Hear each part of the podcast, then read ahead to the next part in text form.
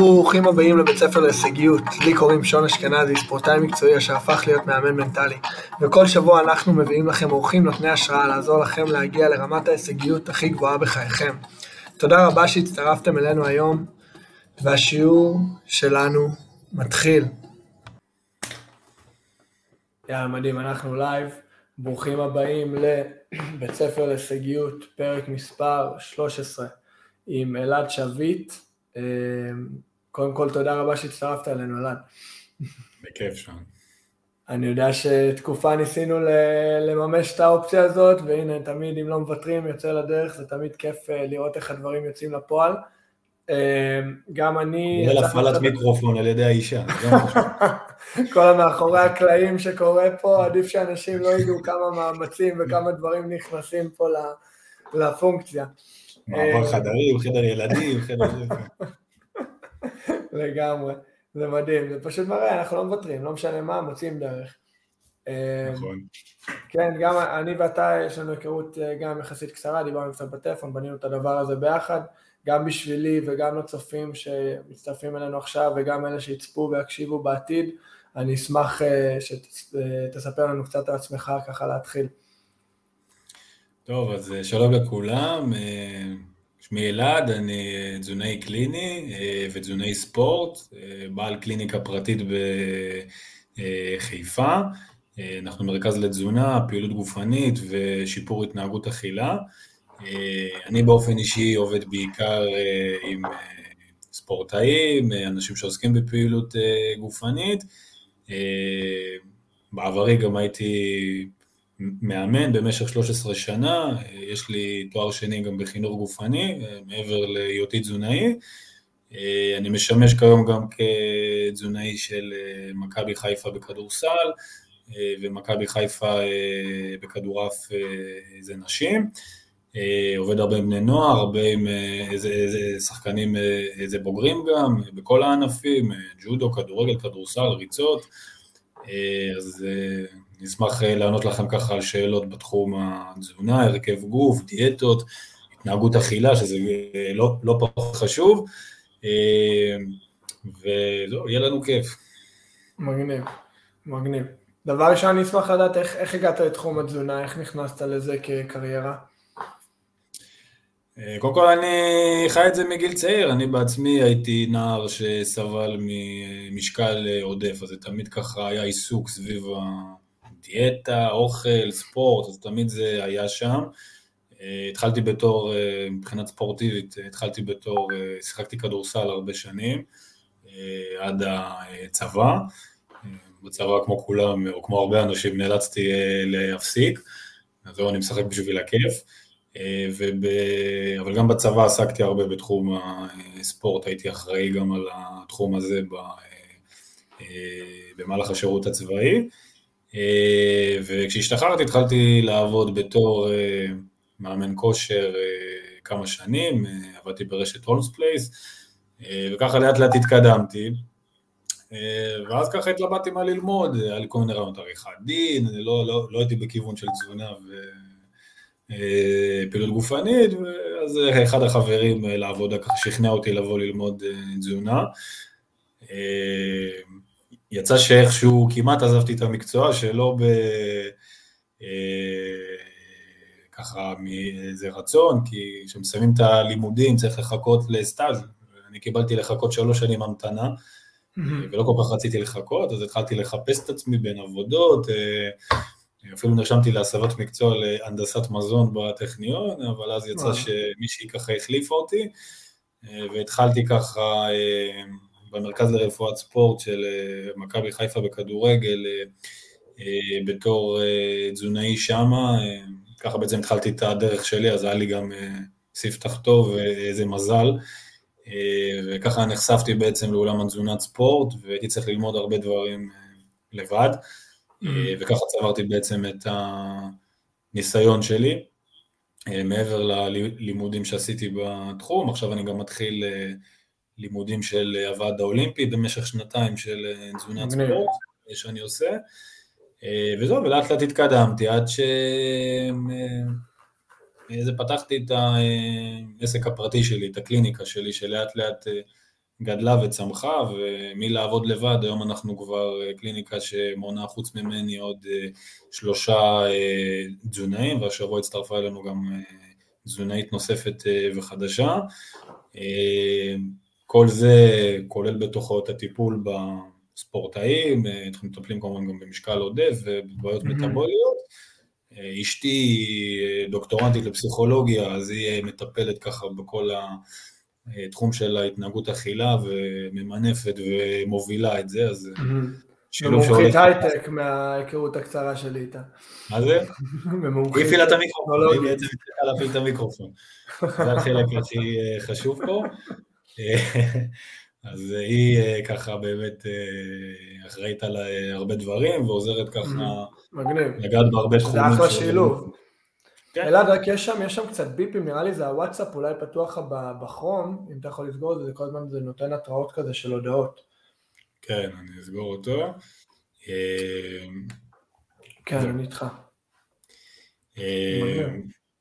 וזהו, וככה אנחנו בעצם עובדים, וככה התקדמנו ככה עם השנים, והיום אנחנו מטפלים, קליניקה מאוד גדולה בחיפה, מטפלים בהמון מטופלים שמגיעים מכל הארץ,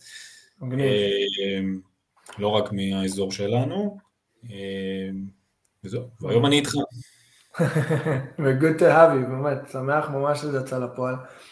שאלה ראשונה ככה כבסיס, גם בשבילי וגם בשביל הצופים, כי אני חושב שלמי שיש פחות היכרות עם כל התחום הזה, מה זה תזונאי בעיקרון? איך היית מגדיר את זה תזונאי? מה, מה התפקיד שלו או שלה בשטח? תראה, קודם כל ההגדרה היא מאוד ברורה, תזונאי זה אדם שסיים לפחות תואר ראשון בתזונה ועבר מבחן ממשלתי של משרד הבריאות, בעצם הסמכה של משרד הבריאות, אז זה מה שככה בהגדרה, מי שרשאי לקרוא לעצמו תזוני על פי חוק, מצד שני לצערי התחום הזה קצת, זה, זה פרוץ, יש הרבה אנשים שאומנם לא למדו תואר בתזונה, אבל כן רשאים לכתוב תוכניות תזונתיות, רק לא לקרוא לעצמם mm-hmm. תזונאים, אז ככה התחום הזה קצת קצת בעייתי מהבחינה הזאת של אה, פרצה, אבל אה, לאט לאט אני כן אה, שמח ואני רואה הרבה מגמות בשנים האחרונות שכן אנשים כן מחפשים, כן מבינים את החשיבות שייכת לאיש מקצוע ש... או לאשת מקצוע שסיימה לימודים והיא מוסמכת לעסוק במה שהיא עושה ולא לאדם שלא עבר הכשרה מקיפה באיזה נושא הזה, כי שאלת מה זה תזונאי, תזונאי זה לא בוא תכתוב לי תפריט, בסדר? שזה גם mm-hmm. מילה שצריכה להיכחד מהעולם. אה, אנחנו בונים מרשמים לתזונה, בונים תוכניות תזונה, אה, משפרים בריאות של אנשים, עובדים על הרגלים של אנשים. אה, בשביל בעצם לכתוב תפריט אפשר גם לפתוח את גוגל ולהוריד תפריט, אבל mm-hmm. זה לא המטרה וגם הרבה אנשים לא בהכרח יפיקו מזה את התועלת המרבית לאכול בננה ושבעה שקדים, אה, mm-hmm. כי לא בכל זה מסתכם כל התהליך, אה, והעבודה היא מגוונת, כל תזוני בתחום שלו, אני ספציפית יותר בתחום של הספורטאים, אז באמת לוודא שהספורטאי מקבל את מה שהוא צריך, אה, שכמות הקלוריות שהוא אוכל היא מספקת, שהוא אוכל נכון, במידה וצריך תוספים כאלה ואחרים, אם יש חוסרים בבדיקות הדם אז לטפל בהם, לדאוג שעבודה אה, מול אה, בתי מלון, ששחקנים יקבלו את המזונות שהם צריכים, mm. אם יש שחקן שרגיש למשהו, או שיש לו איזושהי בעיה באיך העיכול, לוודא שהוא לא יאכל דברים שיפגעו לו בביצוע, ובסופו של דבר לדאוג שהביצוע הגופני יהיה טוב יותר. Mm. זה בעצם המטרה העיקרית. ופה יש לי בעיקרון שאלה ראשונה כזה גם כמין בסיס, למה אתה חושב זה חשוב לעבוד עם תזוני, לא רק לספורטאים אבל ככלל, מה זה תורם לאנשים, כי אני חושב שזה תחום, אני אגיד לך מניסיון אישי, יש עדיין את הקליקים האלה, אני לא יודע אם זה עדיין אה, פתוח שם, אתה שומע את זה גם, של ההודעות, כאילו התראות של הודעות, אה, אני אגיד לך מהתחום, מהניסיון האישי שלי, אה, שכאילו שמעתי על זה קצת כספורטאי ובכדורסל וזה, אבל להגיד לך שאני יודע בדיוק מה זה תורם לי לחיים, אני חושב שהרבה אנשים אה, אולי מפספסים את זה, ואני חושב שגם החוסר ידע הזה גורם לנו, אני יכול לדבר על עצמי, כאילו פחות לרדוף אחרי, למצוא מישהו כזה שאני חושב שדווקא יכול בטח לתרום לי המון לחיים בצורה שאני לא מודע אליה, אתה מבין? אז מסקרן אותי לשמוע ממך, מה אתה חושב שזה, זה מוסיף, למה, למה כולנו יעזור לנו בחיים לעבוד עם תזונאי? תראה, אני יכול לתת לך דוגמה אה, אפילו מ... אתה יודע, מקרה שהיה לי אה, היום בקליניקה, שאתה אה, יודע, מתאמנת שעשתה בעבר דיאטות כאלה ואחרות, ואתה יודע, הייתה במטרה מאוד מסוימת, ובסופו של דבר, אתה יודע, תהליך רודף תהליך ודיאטה רודפת דיאטה, ואני כל הזמן אומר לאנשים שהדבר הכי משמין בסופו של דבר זה לעשות דיאטה, כי כל תהליך שאתה לא מצליח בו הוא גורם לתהליך אה, חוזר, כי העניין הוא קודם כל להבין מה בכלל אה, זה מתאים לי, מה אני צריך לאכול, ובסופו של דבר הרבה אנשים חושבים שללכת לתזונאי זה בשביל לקבל תפריט, בשביל להתעסק רק בפן הטכני, אבל לאט לאט, וזה התהליך שגם אותו בחורה אה, עברה עם כל האימונים, בסופו של דבר היא למדה איך לנתק את הפן הטכני מעיסוק, mm-hmm. אתה יודע, יומיומי בכמויות ובשקילות ובספירה אה, בלתי סופית של איזה אה, קלוריות, איך להשיג את התוצאה בסופו של דבר על ידי אכילה אינטואיטיבית, ללמוד מה טוב לי לאכול, איך טוב לי לאכול, ותשמע, זה גם דבר מלחיץ, הרבה אנשים, אתה יודע, מדמיינים uh, הרבה פעמים uh, איך הם רוצים להיראות בפן האסתטי, והעיסוק הוא הרבה פעמים, uh, אתה יודע, בפן האסתטי, ושוכחים את הפן הבריאותי והפן ההתנהגותי, mm-hmm. כי לפעמים תשמע, יש פה עניין של... חשוב. איזה, איזה דימוי גוף, ולפעמים, אתה יודע, זה... כמה אתה יכול לרדוף אחרי זה? זה באיזשהו מקום גם איזה מתיש, ובסופו של דבר שאתה מגיע למקום שאתה שלם עם עצמך, שאתה שלם עם הגוף שלך, mm-hmm. שאתה מבין איך לאכול, שאתה מבין שאתה לא הכל מסתכן בלשקול וגרמים שאפשר להחליף ולאכול בריא ואיזה מגוון, ועדיין לראות אה, אה, את כל הזה תוצאות שאתה רוצה ולשמור עליהן לאורך זמן, שזה הדבר החשוב. על ידי אכילה זה נו, מגוונת ולא רק של סלט וחזה עוף.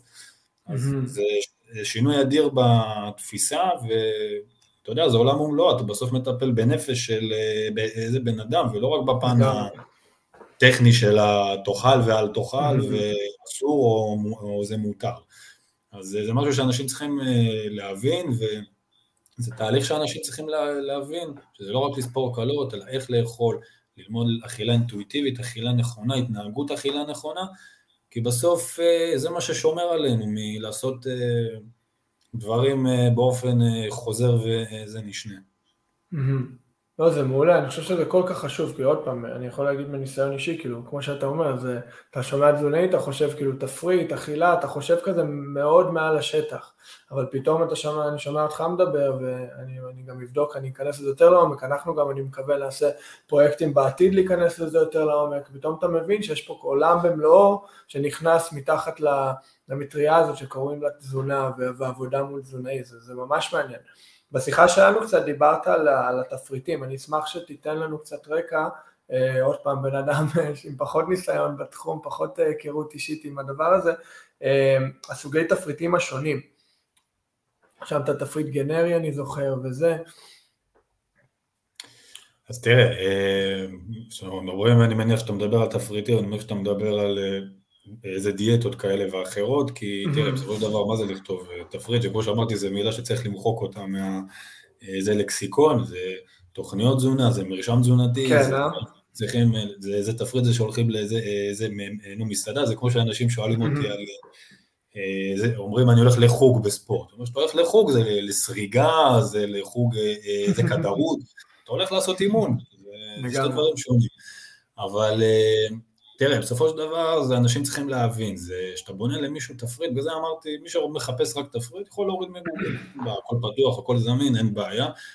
למה זה בעייתי ולמה אני, אני אפילו לא מקבל אנשים שרוצים רק אה, לבנות איזה תפריט, אני, אני אומר להם, אין טעם שתבוא לפגישה אחת ולכתוב תפריט, אם אתה לא עובר איזשהו תהליך זה לא שווה, מהסיבה הפשוטה, כי תראה, תזונה ודיאטה אתה צריך להתאים אה, לאיזה בן אדם, ולא להתאים לא להתאים בן אדם לדיאטה, זה שני דברים mm-hmm. חשוב להבין אותם, ואני רואה את זה כל יום כבר, כל השמונה, תשע שנים האחרונות, אנשים באים עם כל מיני רעיונות בשביל להשיג איזושהי, איזו תוצאה שהם רוצים, אז אחד לא אוכל פחמימות, השני עושה צום, השני עושה תזונה קטוגנית שהיא עשירה יותר בשומן, הרביעי אוכל דיאטה ים זה תיכונית, מה שנקרא דיאטה קלאסית, שמאוד בריאה דרך אגב, mm-hmm.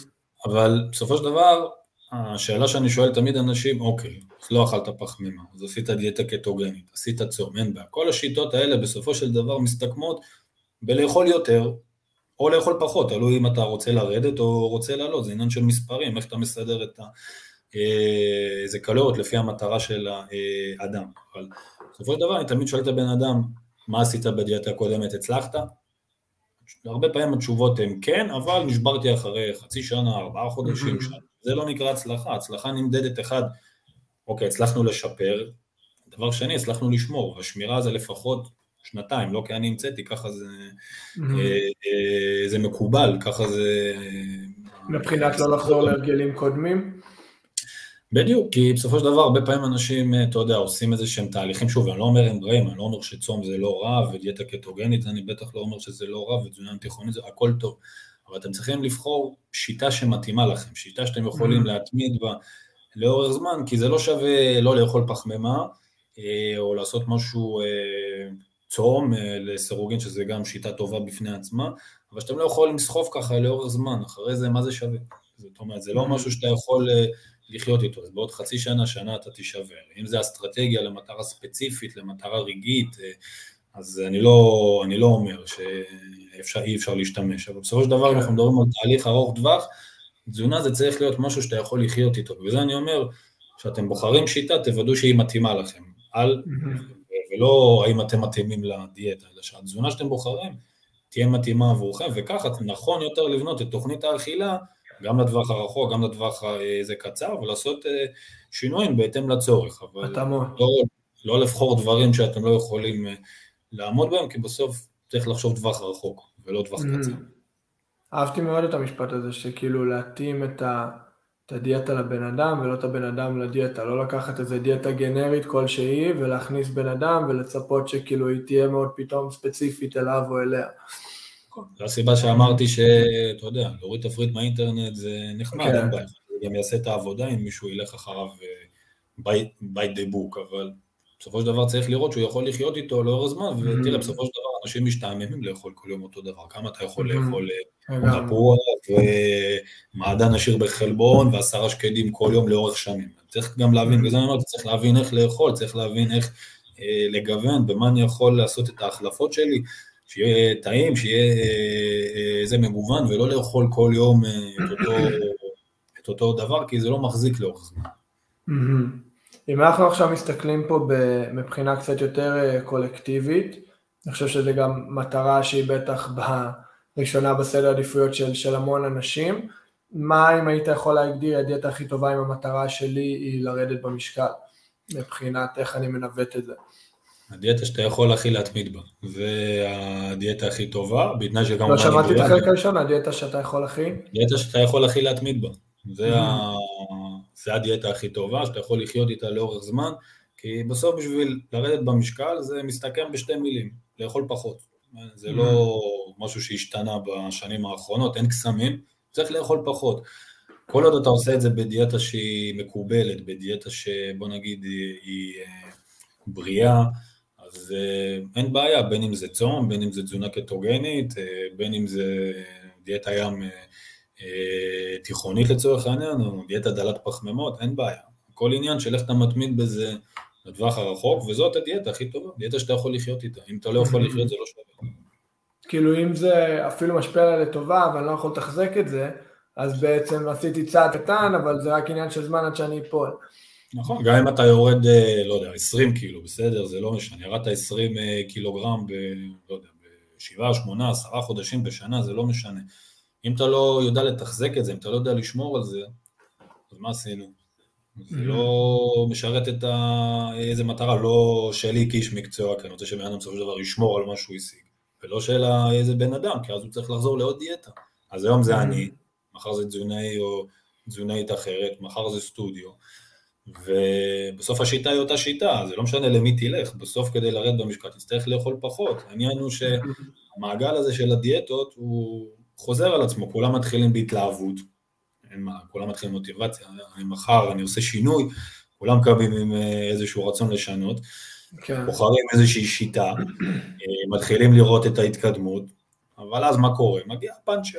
היה חנוכה, היה חתונה, נסענו לחו"ל, תמיד יש משהו שמוציא מהשגרה, ואז זה הופך להיות אה, איזה כדור שלג שאתה, אם אתה לא לומד לשלוט בדברים האלה, ואיך להתאפס, ואיך לחזור לשגרה, זה, זה הסיבה שאנשים בסופו של דבר חוזרים לפעמים להרגלים ישנים, ואנחנו רואים את זה חד וחלק, אנשים שנמצאים במסגרת תזונתית נכונה שמתאימה להם, אנשים שעוסקים בפעילות גופנית באופן קבוע, לרוב מצליחים לשמור על עצמם אה, בסופו של דבר, אבל ברגע שאתה מפסיק עם הבקרה התזונתית, מפסיק עם האימון הגופני, אתה מתחיל לחזור לרגלים הישנים שלך באכילה, אז בדרך כלל זה הסיבות שגם המשקל בין היתר, אה, מבחינה התנהגותית לפחות, עולה גם אה, בחזרה, לפעמים אפילו mm.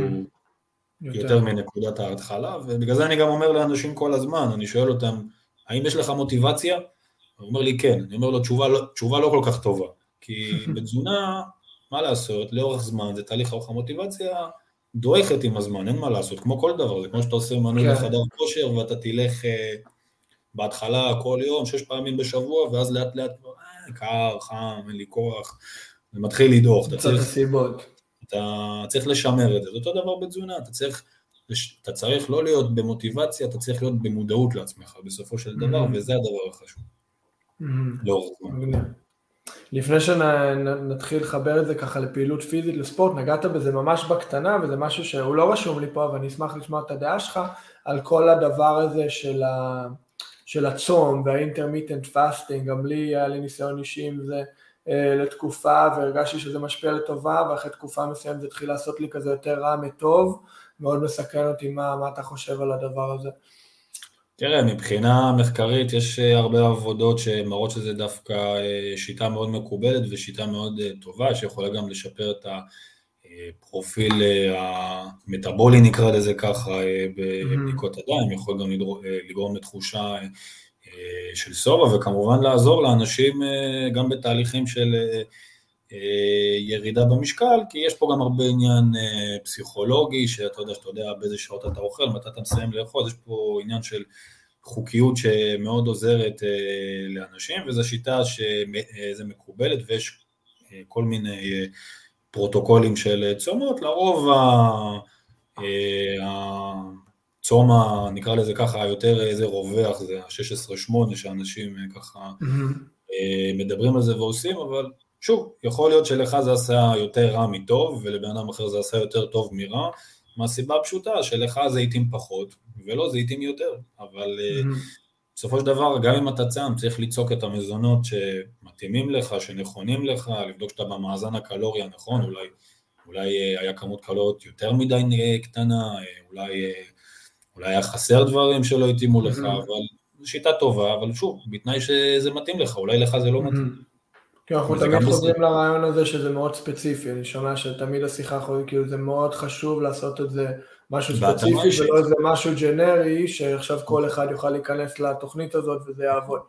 כי תראה, בסופו של דבר אם בן אדם צריך לאכול, לא יודע, במקום 2,500 קלוריות, הוא צריך לאכול 2,000 קלוריות, מה זה משנה אם זה בצום, אם זה עם דיאטה מופחתת בפחמימות או אה, בדיאטה אה, קטוגנית. כל עוד אנחנו נצליח להגיע לאספקה של רכיבי התזונה, אה, נקרא לזה ככה, טבעיים, הגולמיים, האיכותיים, להגיע לכמות אה, מספקת של חלבון, אז סביר להניח ברוב המקרים שהבן אדם יצליח לרדת, כי היה גירעון קלורי, אבל צריך לוודא שהשיטה שבחרנו עבורו היא השיטה הנכונה והשיטה המתאימה שיכול לחיות איתה for life. ולשמר אותה גם, כן. כן, לא אומר, אפשר לעשות אה, מניפולציות כאלה ואחרות לתקופות, אבל שוב, זה כבר, אתה יודע, נכנסים... אה, כן. אה, למשל אם בן אדם הוא ספורטאי יותר, צריך להגיע למשקל מסוים, אם זה בענפי ג'ודו במהירות מסוימת, כי יש תאריך יעד, או ספורטאי רגיל, זה מאוד תלוי במקרה, אני לא אומר שאי אפשר להשתמש במניפולציות אה, רגעיות לתקופה מסוימת. אתה מאוד, כן. אם נדבר על ג'נרל, על אוכלוסייה כללית, עדיף, עדיף לבחור משהו שאתם יכולים לחיות איתו לאורך זמן, מאשר לעשות uh, משחקים שגורמים לכם בסופו של mm. דבר להישבר ואי אפשר לחיות איתם mm-hmm. לאורך זמן. זו נקודה טובה, כאילו תמיד, אני, מה שאני הכי לוקח מפה עד עכשיו, כן, זה לגמרי לבוא מהמקום הזה של במה אני אוכל להתמיד. כאילו אם אני עכשיו לוקח משהו מאוד אינטנסיבי, מאוד זה, אולי אני אצליח לעשות אותו ככה יום, שבוע, אולי חודש, ואולי אני אראה גם תוצאות מדהימות, אבל אם אני לא משחק פה את הלונג גיים ואני לא אוכל להתמיד בו טווח ארוך, אז מה בעצם עשיתי? זה רק עניין של זמן עד שאני אחזור להרגלים קודמים, וכמו שאמרת, הרבה פעמים המצב יהיה יותר גרוע מאיך שהתחלתי. נכון. אמ, נכנסנו לזה קצת, התחלנו לעשות את החיבור הזה של, ה, של אה, ספורט ופעילות פיזית. אה, מהי התרומה של פעילות פיזית וספורט לירידה במשקל? זה מאוד ברור מצד אחד, וזה אני חושב מאוד מורכב מצד אחד. אה, נכון, תראה, זו באמת תשובה מורכבת, אפילו לחלק מהאנשים אפילו מאוד אה, מתסכלת, כי תראה, זה משהו שאני נתקל בו הרבה, שאני שומע מאנשים, תשמע, אני אוכל סך הכל בריא, עושה הרבה ספורט, אני כל יום, לא יודע, הולך לשיעור ספינינג, הולך למכון כושר, עושה, לא יודע, אה, אה, הליכה בטיילת, ל, לא יודע מה, שעה, שלוש פעמים בשבוע, ואני לא יורד במשקל. איך זה יכול להיות? אני מתאמץ, אני משקיע, אני מתאמן, אני מראה, שורף הרבה קלוריות, השעון נראה לי 700 קלוריות באימון, ואני לא, זה יורד במשקל. אז תראה, קודם כל, כשאנחנו מדברים על ירידה במשקל, זה אין ספק שזה מאזן, צריך לאכול פחות ולהוציא יותר, זה, זה לא השתנה. אבל בסופו של דבר, אנשים ששמים או תולים את איזה תקוות רק בפעילות הגופנית שלעצמה, סביר להניח שבחלק לא מבוטל מהמקרים הם לא יראו איזושהי התקדמות משמעותית במשקל שלהם לאורך זמן, מהסיבה הפשוטה שפעילות גופנית לבדה לא תתרום לירידה כל כך גדולה במשקל כמו שאנחנו אה, אה, זה מצפים. למשל, אנחנו יודעים שאנשים שעושים פעילות משולבת, גם כוח וגם אירובי, אנחנו יכולים אה, לראות שהתרומה של הפעילות הגופנית יכולה להגיע בערך ליד שלושה אחוזים תרומה של ירידה במשקל, אבל בסופו של דבר, אם יהיה גירעון קלורי, אז סביר להניח שהתוצאות וההתקדמות יהיו הרבה יותר טובים. זאת אומרת, אי אפשר, אי אפשר לנתק את החיבור בין השניים. Mm-hmm. ברור שחשוב לעשות ספורט, אבל לא לשים את כל הביצים בסל אחד.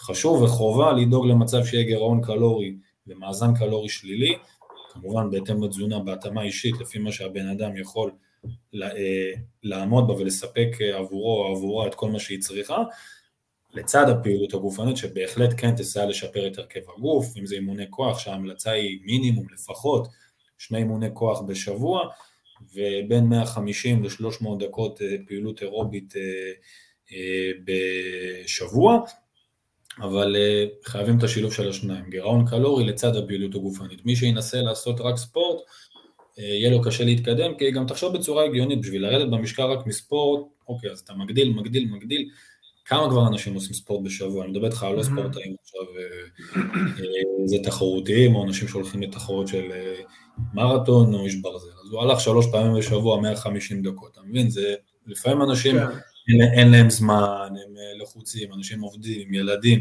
אין להם בהכרח כל הזמן לעשות פעילות גופנית, למרות שאנחנו מאוד רוצים ומאוד מעודדים אותם לעשות ספורט, אפילו כל יום, אבל זה לא תמיד יוצא, וצריך להיות ריאלי לפחות לאוכלוסייה הכללית. וזה אני אומר, אתם צריכים לעשות את מה שאתם יכולים מבחינה איזה אה, גופנית לפי ההמלצות, ולצד זה לדאוג שיהיה מאזן קלורי שלילי. אם השני התנאים האלה יתקיימו, תהיה ירידה במשקל, אבל לא. לצפות שהספורט לבדו יעשה את כל העבודה. אז אם אנחנו מסכמים ככה את הנושא הזה בכמה מילים, בבן אדם שרואה שהוא עושה המון ספורט ולא מצליח או לא מצליחה לראות את ההשפעה של זה בשטח, זה בעצם להסתכל על שני הצדדים, או לקחת כזה צעד אחורה? להסתכל על שני הצדדים, יכול להיות ש... תראה, סביר להניח שצריך לשנות גם משהו בתזונה, אם לא, הוא לא יורדים, כן. כי ככל נראה אין מאזן קלורי שלילי, תראה, יש אנשים שגם אוכלים אה, יופי ואוכלים טוב, אבל לפעמים זה דברים קטנים שלא שמים אליהם לב, שעושים את ההבדל בין לרדת לבין כמו לא. מה מעניין, מה, איפה אנשים יכולים ליפול למשל בזה שהם חושבים שהם אוכלים בריא, וזה כמה דברים נורא קטנים, שככה מורידים אותם מהפסים. אז תראה, זה, אני לפחות מבחינתי, העולם מתחלק לשני אנשים. אנשים שאוכלים ממש לא טוב, ואז אתה צריך באמת לשנות להם הכל 180 אה, אה,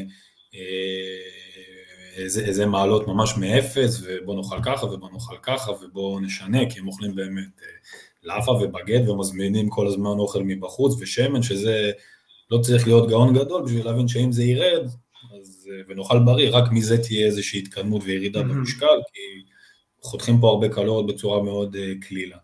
עכשיו, הרבה פעמים אנשים כן אוכלים טוב, זה לא שאנשים יושבים בבית וכולם אוכלים עוגיות, ואתה יודע, ואוכלים לא בהכרח, כן. רוב האנשים אוכלים דווקא כן בסדר, אבל דברים קטנים שאנשים לא תמיד לוקחים בחשבון זה למשל חלב בקפה, או כמה סוכר אני שם, או מה בא ליד הקפה, נשנשתי פה, נשנשתי שם, אה, כמויות של שמן באוכל, אני, אני יכול להגיד לך שהיה לי איזה מטופל שבתקופה של הסגר הראשון של איזה קורונה לפני שנתיים, הוא לא עשה כלום, הוא פשוט אכל את, אותה, את אותו אוכל שהוא אוכל, פשוט הוא אכל בבית. פשוט, אתה יודע. היה אוכל בדרך כלל פרגית או חזה עוף או דג בצהריים עם קצת אורז וסלטים וטחינה, עצם זה שהוא אכל את אותו אוכל בבית, הכמויות שמן ככל הנראה, אה, היו הרבה יותר קטנות ממה שהוא אכל בחוץ. אתה יודע, אני לא יודע כמה שמן יש במסעדה, אבל כן. צריך, לצאת, צריך לצאת מתוך נקודת הנחה שלפעמים שאתה אוכל בחוץ זה הרבה יותר ממה שאתה אוכל אה, אה, זה בבית. אז אתה יודע, לפעמים אנשים לא תמיד איזה, איזה מודעים לכמויות של רטבים, אופן הבישול, אופן הכנת המזון, כמויות של שמן שיש להם במזון, mm-hmm. לא בהכרח מסתכלים על... Uh, הצפיפות האנרגטית של המזון, יש אנשים שלכאורה אומרים לך שהם לא אוכלים כלום, אומרים, אני מה, אני אוכל רק שתי ארוחות ביום, אני לא אוכל כלום, אה, איך אני לא יורד, אבל אתה רואה שאותם שתי ארוחות מכילים כמות קלות מאוד, אה, מאוד גדולה, אתה יודע, ש... אני יכול להשוות את זה לאדם שאוכל שתי כפיות אה, איזה נוטלה לצורך העניין, או שוקולד, שזה כ-200 איזה קלוריות, שבתקציב הזה הוא יכול לאכול חצי קילו אבטיח, אתה מבין? אז איך אתה אוכל הרבה מזון במעט קלות, ולא אתה אוכל מעט מזון עם הרבה קלות, כי הצפיפות mm-hmm. האנרגטית של מזונות מסוימים יכולה להיות כל כך גדולה, גם אם זה נראה לנו בעין אה, כמשהו מאוד אה, זניח או מינורי וקטן, לפעמים זה הרבה יותר ממה שאנשים חושבים. אז ההבנה הזאת ואיזה אלטרנטיבות יש, למשל תותים, עכשיו זה עונה של התותים. Mm-hmm. אני שומע סוכר, סוכר, סוכר, אבל בתותים אין, אין בכלל הרבה סוכר. גם בלוחמנים מבין? זה שאתה, איזה שותה לימון יש יותר, או שאתה סוחט לימון יש יותר. איזה מעניין זה שכאילו אנחנו אין לנו את המודעות, אני יכול לדבר על עצמי, ואני חושב שהרבה אנשים אין לנו את המודעות הזאת בכלל, כאילו אנחנו חושבים, ישר קופצים למסקנה של מלא כן, סוכר, צריך להגביל את עצמי. נכון, ולהפך גם, אתה יודע, יש הרבה מיתוסים גם על פירות, שאנשים חושבים שזה פירות וסוכר של פירות זה סוכר שמושמים ואסור לאכול, וזה לא נכון, להפך. פירות מגינים עלינו מפני השמנה, פרט לזה שנכון, יש בהם סוכר, אבל זה סוכר טבעי, יש בהם ויטמינים, יש בהם מינרלים, יש להם אה, אה, נוזלים, תחשוב, אחרי שאתה אוכל גם, אה, תשווה בננה לשוקולד, לצורך mm-hmm. העניין. עכשיו אכלת נגיד בננה או אבטיח, הסיכוי שתרצה לאכול עוד בננה הוא נמוך, אבל כשאתה אוכל שוקולד, הסיכוי שתרצה לאכול עוד הוא mm-hmm. לפעמים קצת יותר גבוה אם אתה לא שולט בעצמך, כי מה לעשות, זה טעים. אז ההמלצה היא לא, לא לא לאכול פירות ולא לפחד מסוכר הפירות, כי זה לא גורם לנו להשמנה, כל עוד זה נכנס במאזן הקלורי הנכון. Mm-hmm. גם לגבי אה, סוכרים שנמצאים בחטיפים או באיזה ממתקים, אבל כן ההמלצה זה לצמצם או להגביל צריכה של סוכרים מוספים למזון, שנמצאים בחטיפים ובמשקאות הם איזה ממותקים, לעד עשרה אחוז מה... סך הקלוריה אה, זה, אה, זה יומי שלנו, לכן mm-hmm. תאכלו אוכל בריא, תאכלו אוכל גולמי, לא לפחד מפירות, זה לא משמין, תצמצמו בסוכרים המוספים שיש לכם לאוכל, בין אם זה במשקאות אה, ממותקים, בין אם זה בחטיפים או במאפים כאלה לאחרים, זה באמת הסוכר המסוכן, לא הסוכר. שנמצא ב... זה פירות, וזה גם הגורם, האינדיקציה שיותר זה, זה תורמת להשמנה מאשר לאכול אה, פרי. שוב, בהינתן שהבן אדם שומר על מאזן קלורי נכון, כן, כן, גם לאכול 3,000 קלוריות של אה, אה, איזה בננה או תפוח, ועדיין אנחנו נשמים, כי זה עדיין 3,000 קלוריות, אם הבן אדם יצא במאזן חיובי, אבל אם הוא במאזן הנכון, הוא לא יעלה מזה במשקל. זה אוכל בריא וגם הרבה יותר מסביר. איך קראת לזה בעברית? המשהו התזונתי, כאילו כמה לכל לעומת בבננה? צפיפות הקלורית, הצפיפות ה... צפיפות קלורית, מגניב. שאני חושב... בדיוק, הדנסיטי של המזון. אני חושב שזה משהו שאם כולנו, אתה יודע, מהאנשים הכי בריאים לאנשים שמתמודדים עם עודף משקל, אני חושב שזה משהו שכולנו יכולים ככה להכניס ליום יום שלנו, וזה יעשה הבדל גדול, להתחיל לחשוב על אוכל במונח הזה, בצפיפות הקלורית, ולא רק ב... כמה זה טעים לי, כמה זה משביע אותי, כמה זה, ואז פתאום, סתם אפילו בשיחה כזאת קצרה עכשיו, אתה חושב פתאום על, על לעבוד בצורה הרבה יותר אפקטיבית. נכון. תראה, אני גם הרבה פעמים אוהב להראות לאנשים, אני תמיד ככה, יש לנו בקליניקל, תמיד אני אוהב להראות לאנשים, בוא תראה בעין, לא בשביל הספירה, ולא בשביל לספור קלות, אבל בוא תראה איך נראים 100, איך נראים 200, איך נראים 300 קלות, תראה איך זה נראה בעין, תראה איך זה נראה, תראה כמה אתה יכול לאכול ולהיות שבע, וכמה אתה יכול לאכול קצת. מעניין. ולהתפוצץ מבחינה קלורית לרמה מאוד גבוהה בגלל הדחיסות הזאת. Mm-hmm. וככה אנשים גם מבינים איך לבחור את המזון, כי אתה מנפץ להם הרבה איזה מיתוסים של פרי זה לא טוב כי זה סוכר, ואל תאכל עגבניות שרי כי זה סוכר, כל מיני mm-hmm. דברים שהם לא הגיוניים, כאילו לפחות לי, אני כן מבין אותם והרבה אנשים כן, אבל... חוסר ניסיון, כן, כאילו חוסר... אנשים מהקהל הרחב הם לא יודעים, חושבים, אה זה סוכר, זה לא טוב. מה זה פרי, אפשר לאכול מזה ככה, הם, אנשים לא תמיד אה, אה, יודעים את הדברים האלה, אבל כשאתה מראה להם, אתה מבין, מראה להם את הגודל בעין, אתה רואה שהם שנים יותר רגילים והם אוכלים הרבה יותר ושבעים, ובכמות קלות הרבה יותר קטנה בסופו של דבר. זה ממש מעניין. בוא נראה מה רשמתי לנו.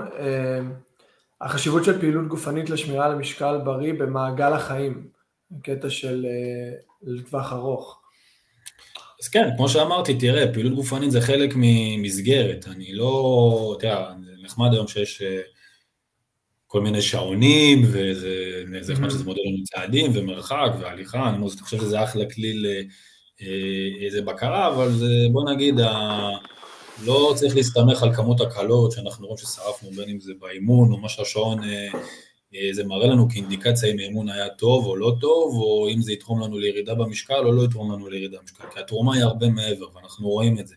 אנשים שעוסקים בפעילות גופנית ושומרים על מסגרת של תזונה, ששוב זה הולך ביחד, לרוב אתה רואה שהם ישנים יותר טוב, לרוב אתה רואה שהם אוכלים יותר טוב, ושוב, צריך להבין, מעבר לעניין שעכשיו ציינתי, זה מסגרת, זה שומר אנשים mm-hmm. במסגרת, שאתה צריך לדעת שאתה הולך לאימון, ולא משנה איזה אימון, בין אם זה פילאטיס, בין אם זה חדר כושר, בין אם זה ריצה, ואתה אוכל טוב, הסיכוי שתאכל לא לא טוב אחרי אימון הוא בדרך כלל הרבה יותר נמוך. בדרך כלל אנשים שעוסקים בספורט כבר, אתה יודע, מה עשיתי אימון, מה אני אוכל אה, mm-hmm. לא בריא עכשיו, אז בדרך כלל גם האכילה גם הרבה יותר נכונה וטובה. יש גם מקרים, אתה יודע, שהספורט, אה, שזה סוג של אה, בעיה במרכאות, יכול לפתוח אצלם עוד יותר את ה...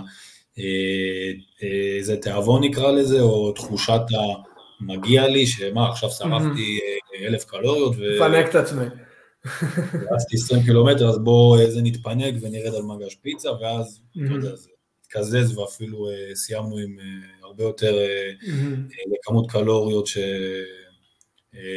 שמכסה את מה שעשינו בפעילות הגופנית. אז אני אומר, הכל במידה, אפשר ליהנות, אפשר לאכול גם אוכל, נקרא לזה ככה, לא הכי בריא בעולם, כל עוד אנחנו עושים את זה בתדירות, במינון ובכמות הנכונה. אה, אבל אה, חשוב לעשות ספורט, זה מסגרת, זה שומר עליכם, אז תקפידו על פעילות איזה אה, גופנית, ומעבר לפעילות גופנית, שהבסיס להכל זה תנועה. זאת אומרת, זה, mm-hmm. אתה יודע, אני הרבה פעמים הולך להרצאות, ואתה יודע, אני בא לפעמים גם לסטודיו ולחדרי כושר, ואני, אתה יודע, כולם מתלבשים יפה, ואיזה מותגים, אבל עושים את האימון הכי טוב בעולם, אבל אתה רואה לפני האימון תור לאיזה מעלית במקום לעלות באיזה מדרגות. אתה רואה שאנשים תרד בתחנת איזה, איזה תל אביב, מרכז, אתה רואה הרבה פעמים אנשים יוצאים מהרכבת, פקק במדרגות הנאות, אף אחד לא עולה במדרגות הסטנדרטיות, נקרא לזה תמיד ככה. אז חשוב להזיז את עצמכם, מעבר לזה שעשיתם אימונים כאלה ואחרים, גם אם זה כל יום, תקפידו לזוז, תשימו לב שאתם זזים, שאתם עולים מדרגות, שאתם מכנים את האוטו קצת יותר רחוק, קיבלתם שיחה בנייד, תעשו אותה בעמידה, תורידו את הזבל אה, באיזה, אה, מדרגות, וזה מאוד עוזר, וזה דרך אגב אחת הבעיות שהיה לנו גם בתקופת איזה קורונה, אתה יודע, שהרבה mm-hmm. ישבו בבית, כי היה אסור לצאת, או עד 100 מטר, מה שנקרא למי שככה אכף mm-hmm. את הנושא הזה, אבל uh, התזוזה, מה שנקרא הפעילות הסטנדרטית שלנו, uh, יכלה, וזה, ראינו את זה, נפגעה מאוד לאנשים, אנשים ישבו mm-hmm. בבית, אנשים לא יצאו, אנשים לא הסתובבו, זה כמות קלוריות מאוד מאוד גדולה שאנחנו לא אה, בזבזנו או, לא, אה, או, או, או, או שלא הוצאנו אותה אפילו. כן. אז, אה, בגלל זה הבסיס לספורט זה קודם כל תנועה, זה קודם כל לזוז, וכמובן אה, השלב הבא אה, פירמידה זה כן להקפיד על אימוני אירובי, זה כן להקפיד על mm-hmm. אימוני כוח, אימוני גמישות, כל אחד אה, בתחום שהוא אה, ככה יותר מתחבר mm-hmm. ואוהב, זה כלי מצוין לשמירה על משקל, ורואים, מי שמתאמן ושומר מסגרת של תזונה, ישמור על עצמו, מכל הבחינות, גם בריאותית. אמרת בהתחלה עם כל השעונים האלה וזה, וכל האינפורמציה וה, והלוגים והדברים שזה נותנים לנו, ואיך זה פחות משקף, מה היית אומר לבן אדם להסתכל מבחינת איך לשקף מה כן היה אימון טוב, מה, מה היה אימון פחות טוב, אם אני עכשיו מנסה להיות יותר טוב מאיך שאני הייתי אתמול, על מה כדאי לי להתבסס? תראה, יכול להיות שאם אני אפנה למאמן, אני באופן אישי עובד עם אה, מאמן ריצה, אני לא, אני בא מספורט, אבל אני לא מבין באימון של ריצות, אז הוא כן, אני יודע שהוא מסתכל על הדופק, אני כן, אני רואה שהוא מסתכל על קצב הריצה שלי, ככה שהוא בונה את התוכנית אה, השבועית ברמת ה... אה, ההתאוששות שלי מאיזה פעילות, אבל אתה יודע, לאדם הרגיל, אני חושב שתחושה סובייקטיבית של, אוקיי, אני רץ יותר טוב, הצלחתי להתקדם במשקלי העבודה שלי אה, בחדר הכושר, אה, אני חושב שזה ייתן אה, בסופו של דבר אינדיקציה מספיק פשוטה ומספיק איזה טובה, ככה אם אנחנו השתפרנו. יש גם בדיקות יותר מתקדמות שאפשר לעשות גם אצל אנשי מקצוע, אם זה שיפור בצריכת החמצן המרבית שלנו, שכן יכולה להעיד על שיפור בכושר הגופני שלנו. אה, כמובן שיפור באימוני כוח, ביכולת שלנו להרים אה, אה, איזה משקלים ולעשות התקדמות גם בפן הזה, אבל השעון זה, זה כלי טוב, כמובן מי שמודד מרחק, בשבילי זה, בשבילי זה אחלה כלי למדוד מרחק, זה אחלה כלי לשמוע מוזיקה בלי להסתובב על הנייד, כמו שאמרתי, mm-hmm. אני לא מסתמך על איזה כמות, ה, איזה קלוריות ששרפתי שם כמשהו שאני בהכרח אה, מסתמך עליו בצורה הכי אה, זה מדויקת בעולם, אבל זה נחמד, זה נחמד שיש את זה, זה כלי נחמד, אבל יותר תתעסקו בזה שעשיתם פעילות, שהשתפרתם, שאכלתם טוב, שהתאוששתם טוב, שאתם מוכנים לאמון הבא, שיש יעדים, יש לכם איזה אה, מטרות, זה הרבה יותר חשוב מעיניי מנתונים של שעון כזה או אחר, עם כל זה שזה מאוד כיף ומאוד נחמד. Mm-hmm. לא, מעולה, אני כל הזמן שומע אותך חוזר לשילוב הזה של, ה, של הצד הפסיכולוגי, הצד המנטלי, זה כל כך חשוב, אני חושב שזה אולי לפעמים קצת אה, נאבד בדרך, כן, לגמרי. כן, אני יכול להגיד לך על עצמי, אתה יודע, שאני סיימתי את ה... איזה לימודים, אתה יודע, אתה בא, בסופו של דבר אתה בא מהעולם של תזונה, זה עולם שהוא מצד אחד מאוד אה, אה, מדעי מצד אחד, מצד שני אתה גם, יש פה הרבה אלמנטים של אה, רגש, אתה, או תרבות אכילה, שאתה צריך אה, לפתח עם הזמן, ולאט לאט, אה, אתה יודע, גם אני עברתי תהליך עם עצמי, שאתה יושב מול בן אדם, אתה מבין שזה לא קלוריות, זה לא יושב מולי 200 גרם של חזה עוף או שתי כפות אורז, זה, זה יושב בן אדם שיש לו צרכים, יש לו רגשות, יש לו התנהגות אכילה אה, ככה, שצריך גם לטפל בה, או דימוי גוף שאתה צריך לטפל בו, ולא הכל מסתכם באיזה קלוריות. אמ, זה משהו שלמדתי עם הזמן אה, לפתח, גם בזכות אשתי שהיא באה מעולם הפסיכולוגיה, אז אתה יודע, זה ככה משהו שלאט לאט אה, זה פיתחנו אה, שיטת עבודה ואנחנו נותנים דגש מאוד מאוד גדול גם לצד הזה, והשקענו גם, יש לנו אפליקציה משלנו, שאנחנו בנינו, שפרט לזה שאנחנו בונים שם את התוכניות תזונה, והדגש הוא ללמד אנשים איך לאכול ולא להיות דבוק ל... שנקרא איזה תפריט, אה, ששוב, צריך למחוק את המילה הזאת. אה, מילה אהובה לך. שבלוני ומאוד מגוון, לאיך עושים כמויות מאוד מגוונות של אה, מזון עם קבוצות תחליף מאוד מאוד גדולות, ולצד שני יש שם גם המון איזה כלים של CBT והתנהגות אכילה, שאנשים, אנחנו לא...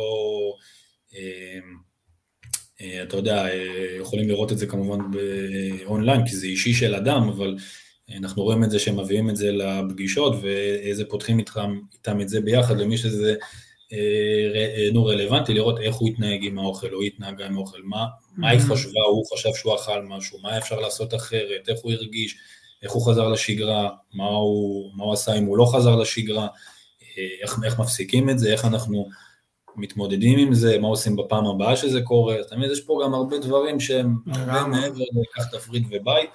של, ואם אנחנו נלמד לחיות בשלום ועם האוכל, ולא לפחד מאוכל, ואני רואה את זה כל הזמן של, לא, לא, אל אה, זה תיתן לי שקדים, אני לא עומד בזה. לא, לא, mm-hmm. אל תיתן לי שוקולד, אני לא, אני לא, אני לא אצליח. אם נלמד לשלוט בדברים האלה וללמוד שאנחנו ננהל את המזון ולא המזון ינהל אותנו, אז אפשר להגיע למקום הרבה יותר שקט, הרבה יותר רגוע, גם בפן הטכני וגם בפן הנפשי, ולהצליח mm-hmm. לאורך זמן לתקופה הרבה יותר ארוכה. Mm-hmm. לא, זה מדהים השילוב הזה. גם אם אתה רוצה, נשמח אה, לשים ככה את האפליקציות אחרי זה בתגובות, שלאנשים יהיה גישה לזה, ויוכלו אה, לראות את זה. לא, בגדול האפליקציה היא, אה, היא לא נמצאת ב... זה שלכם, של החברה? לא, היא אפליקציה וובית, שזה כמו אתר, אבל היא זמינה בעיקר עבור המטופלים שלנו בקליניקה, אבל אני, אני אנסה ככה להציץ איזה קישור ולראות איך עושים את זה. אם תרצה, יכול להיות מגניב, כן, בסדר גמור. וגם אשתך נשמעת ש... מה זה? אז אני אומר, זה בעיקר מטעמי אבטחת מידע של... הבנתי. לא, זה מה שמגניב. אם יש לכם ככה איזה הצצה שאנשים יכולים לראות, אני חושב איך זה נראה בשטח, יכול להיות מגניב, אבל זה, זה בידיים שלכם. אני בא להגיד, גם אשתך נשמע שבצד השני, בצד הפסיכולוגי של כל הדבר הזה, יכול להיות מאוד מעניין, נשמח לארח אותה בעתיד, ניצור, ניצור קשר גם. אמ, הדבר הבא שרשום לי... מה שבטוח לא יהיה בעיה במיקרופון. לא... אתה אומר בעיות טכניות, יצאו מהחלון, זה בטוח ירוץ חלק. זה בטוח ירוץ חלק. גדול. אמ, רשום לי פה על, על הרכב גוף, דבר איתנו קצת על הרכב גוף וירידה איכותית במשקל ולפי זה בחירת הדיאטה הנכונה.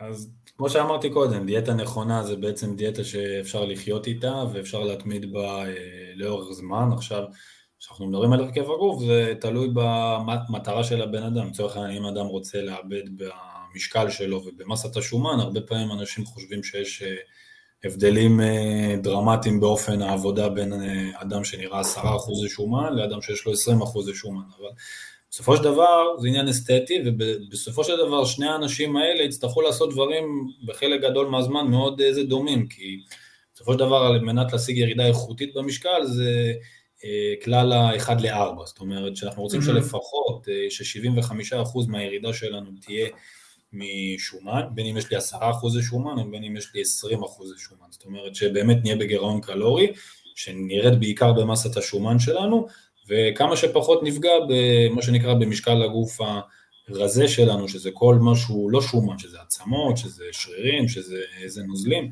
שכמה שפחות נפגע במסה הזאת, כלומר, אם אדם ירד עשרה קילוגרם ממשקלו וירד שמונה קילוגרם של שומן וירד שני קילוגרם של המשקל הרזה, אז זה יחס של 1 ל-4, זאת אומרת, זאת אומרת שעשינו פה תהליך שהוא איכותי.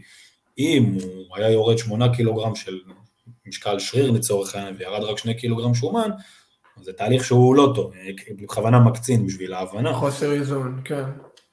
אז אה, זה תהליך שהוא לא טוב. מצד שני, כשאנחנו מדברים על הרכב גוף, אנחנו צריכים להסתכל על, אה, על אה, איזה כמה נו, איזה, נו, פרמטרים, זאת אומרת, אחד זה כמובן המשקל, דבר שני כמובן יש ערך של BMI שהוא לא מתאים לכולם, זאת אומרת, יכול להיות שלאדם מן השורה זה כן מתאים, BMI זה מדד ש...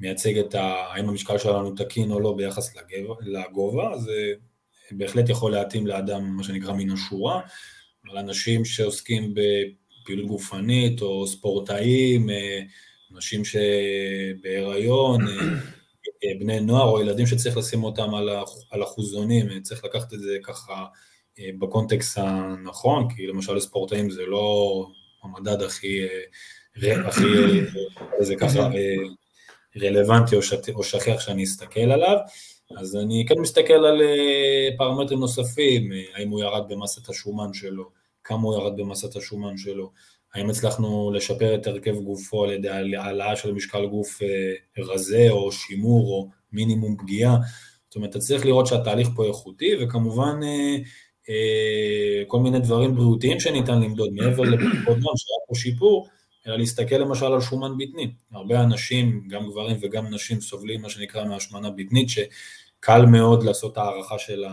הסיפור הזה, סרט. סרט מדידה מאוד פשוט.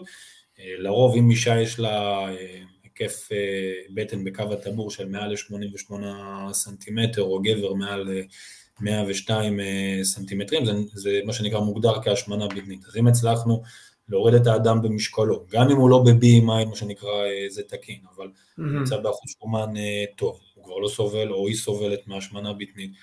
אז עשינו תהליך נכון, לא כל אחד או אחת צריכה בהכרח להיות ב-BMI 25 אם היא לא מצליחה, אני כל הזמן אומר לאנשים, אתה יודע, לפעמים עדיף להיות שני קילו יותר ושמח, מאשר שתי קילו פחות ועצוב, mm-hmm. ולקרוא את עצמך למשהו שאתה לא בהכרח יכול להשיג, או שזה דורש ממך קיצוץ מאוד קלורי במזון, או הוצאה קלורית גדולה מאוד כתוצאה מפעילות גופנית. אז לפעמים עדיף להיות עם כמה קילוגרמים יותר, אבל עם הרכב גוף הרבה יותר איכותי, הרבה יותר טוב, להיות פעיל מבחינה אה, אה, אה, זה גופנית, וכמו שאמרתי שוב, כשאתה יושב מול אדם, זה לא חזה עוף, וזה לא מספרים כן.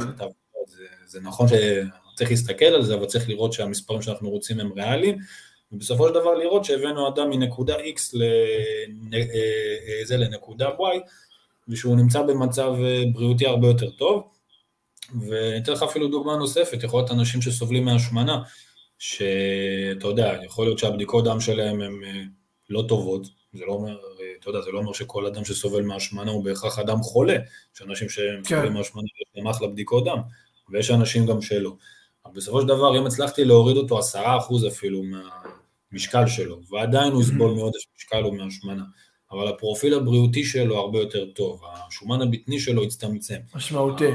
השומן שלו הצטמצם, גם אם הוא לא ב-BMI 25, כי מכל מיני סיבות לא הצליח אה, לעשות את הקפיצת מדרגה הזאת, אבל הוא שיפר את הפרופיל הבריאותי שלו, שיפר את הבדיקות דם שלו, ואנחנו רואים שיפורים מאוד משמעותיים לאנשים, גם אם הם לא הגיעו למשקל תקין, אבל עשו ירידה משמעותית במשקל, זה מצוין מבחינתי. Mm-hmm. אני יודע שהוא הרבה יותר בריא, הוא יצא מקבוצת הנכון. ההרגלים שלו הרבה יותר טובים. אז אני אומר, מספרים זה חשוב, אבל זה לא הכל. Mm-hmm. מעולה.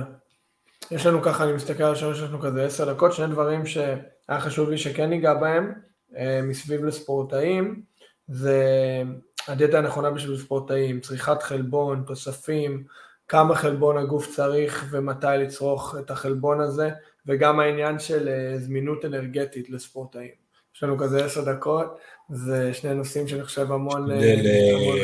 כן. לתמצת, כי אפשר לעשות על זה הרצאה שלמה. ברור, אפשר לעשות על זה שעה. כן, תראה, חלבון, אין ספק שזה דבר, אה, שזה דבר חשוב, כמובן גם להתאוששות, גם לסינתזת החלבון בשריר ולגרום לתהליכים אה, של בנייה בסופו של דבר. איפה יש חלבון? יש בבשר, בדגים, בביצים, בגבינות, יש גם מקורות צמחיים כמו טופו, קטניות למיניהן, סייטן, אני אישית אדם צמחוני, אני לא אוכל דגים וזה בשר, אבל כל אחד יאכל מה שהוא אוהב, אה, וזה בסדר. אה, אז אה, ככה זה לגבי איזה מקורות. עכשיו, מבחינת המלצה לכמה חלבון צריך, זאת אומרת, לא סתם אנשים רואים שהיום כל דבר זה פרו, פרו, פרו, שהרבה חלבון, ורוב המוצרים מכילים כ-20 עד 40 גרם חלבון, שזה באמת, אנחנו יודעים שזה הכמות שאנחנו רוצים לספק אה, לגוף שלנו. עכשיו, אה, איך מחליטים כמה חלבון נותנים? אז יש אה, טווחים, זה נע בין 1.2, 1.4 לאנשים שפעילים... גרם? מבחינה איזה גופנית, גרם לקילוגרם משקל גוף ביום, ויכול להגיע גם עד ל-2, עד ל-2.4 גרם אפילו לקילוגרם משקל גוף ביום. זה צריכה יומית, רק שאני אבין אותך נכון, 1.2 עד ל-2. כן, זאת אומרת, סתם דוגמא, אם אדם שוקל... לקילוגרם של גוף. 60 אה, קילו, והחלטנו שהיא תצטרך 2 גרם לקילוגרם, אז זה 120 גרם ליום. שעדיף לפרוס את זה לפחות שלוש ארוחות, של לצורך העניין אם זה 120 גרם אז שלוש ארוחות של 40, או שש ארוחות של עשרים, עכשיו זה לא בדיוק ככה במציאות, לפעמים אתה יודע, יש mm. קצת יותר, יש קצת פחות בארוחות מסוימות, או לפי מה שאנשים יכולים ואוהבים לאכול, אבל כך, כך נכון לחלק את החלבון ללפחות שלוש mm. ארוחות אה, ביום ולפרוס את הכמות היומית שהגדרנו אה, לאורך היום, שהחלבון כמובן יהיה ממקורות טובים, ממקורות אה, אה, טובים mm. ואיכותיים. אה, וזו ההמלצה מבחינת אה, צריכה. עכשיו תראה, יש, אה, יש הרבה שיקולים בבחירה של כמה לתת. זה מאוד, זה, יש פה, נכנסים פה למערכת השיקולים עניינים של תחושת שובע, העדפות mm-hmm. תזונתיות, אם בן אדם יכול, יכול לאכול יותר או לאכול פחות, אם הוא טבעוני, צמחוני, אוכל קול, יש מזונות שהוא אוהב, מזונות שהוא לא אוהב, ויש גם איזשהו, אתה יודע, יש את הכמות המינימלית הרצויה, ויש גם כמות אה, שהיא במינימום, אבל יותר אופטימלית. לצורך העניין, אם אני ארצה להוריד אותם אה, במשקל, אבל מצד שני גם אה, ככה, אולי להשיג איכות ירידה קצת יותר טובה, אז, אפילו, אפילו מקובל שהכמות המינימלית תהיה אפילו 1.6, כמובן לצד. אימוני כוח. אבל יש פה הרבה שיקולים שנכנסים באיזה כמות לתת, החל מרמת ה... אה, איזה מתאמן, במטרה שלו, בדברים שהוא יכול או לא יכול לאכול. אבל בסופו של דבר, אחרי שסגרנו על המספר, צריך לפרוס את הכמות היומית הזאת לאורך היום ללפחות שלוש ארוחות mm-hmm. של בין 20 ל-40 גרם חלבון לארוחה.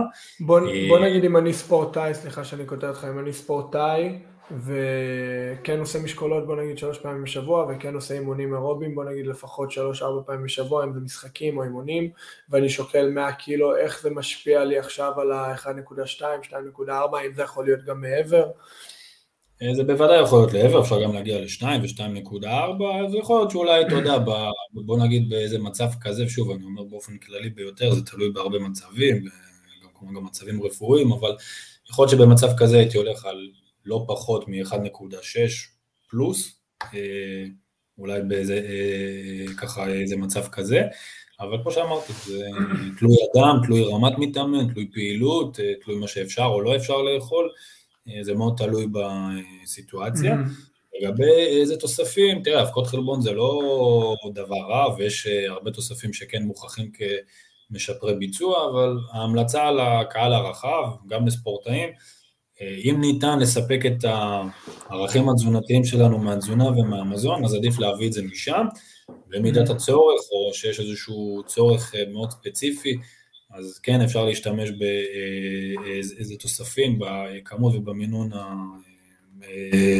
זה מקובל לכל איזה תוסף, אבל הבסיס זה להסתמך על אוכל ועל תזונה טבעית ולהביא את ה...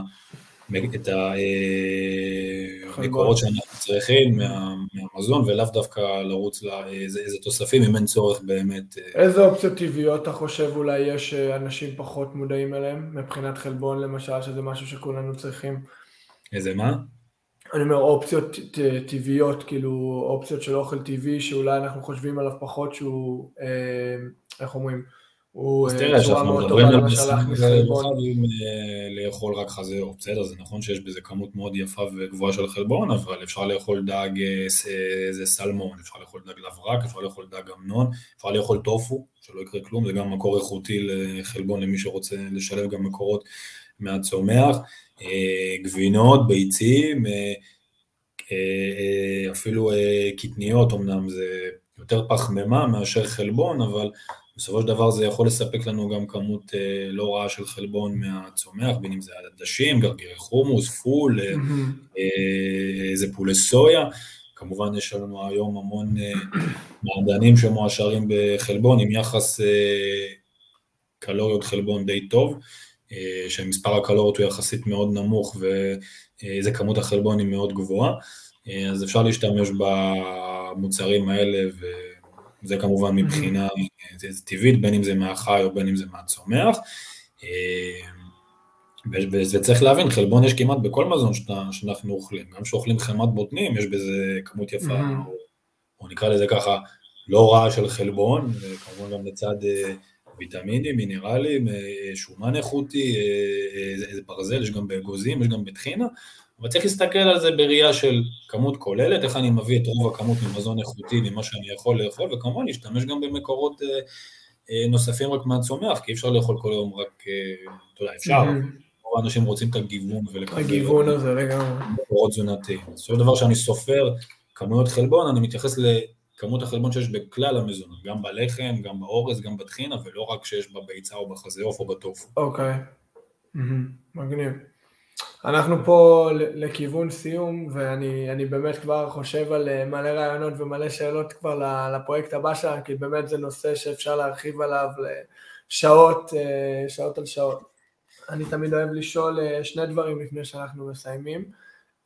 דבר ראשון, למרות שזה יותר תזונה ו, ופחות בשיחה הנוכחית, הצד המנטלי, אבל איך אתה, אלעד, היית מגדיר הישגיות או הצלחה? הישגיות והצלחה, אני חושב שזה, בסופו של דבר זה משהו שאתה קם איתו בבוקר, וזה משהו שאתה יכול להתמיד בו כאורח חיים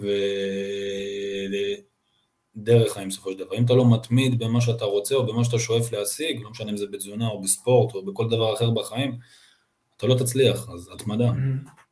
התמדה, יפה, אהבתי.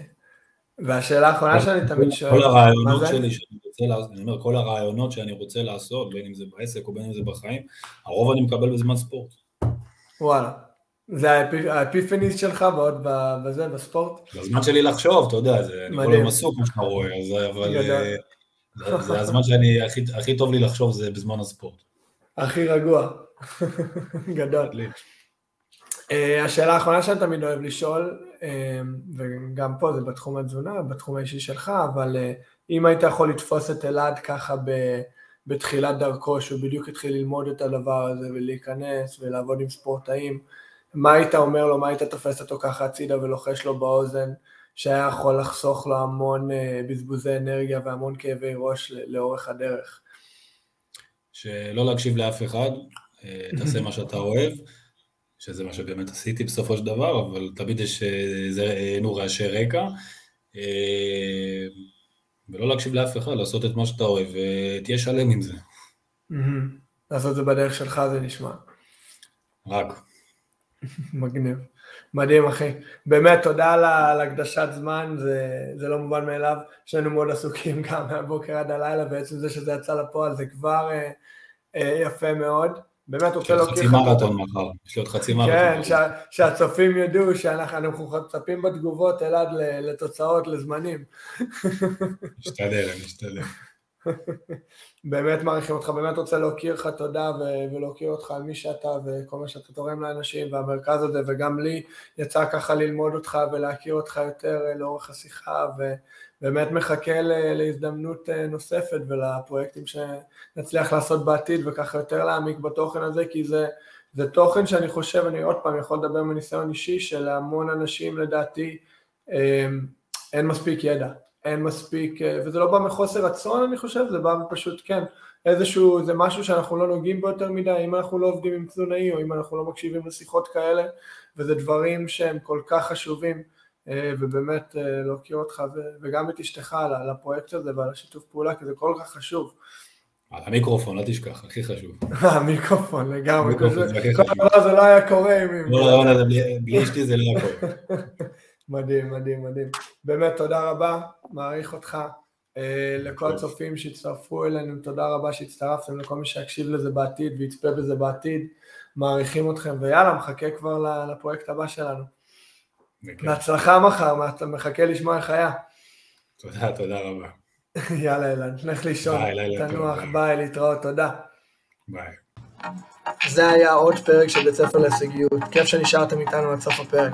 מקווה שנהניתם מהשיחה שלנו. אם לקחתם משהו לחיים האישיים שלכם מהשיח הזה, אני מפציר בכם לשתף את הפרק הזה עם מישהו אחד או שניים, עם העוקבים שלכם, או עם כל מי שהפרק הזה יכול לתרום לו או לה. תודה שהצטרפתם אלינו היום, שיהיה שבוע נהדר ונתראה בפרק הבא של בית ספר להישגיות.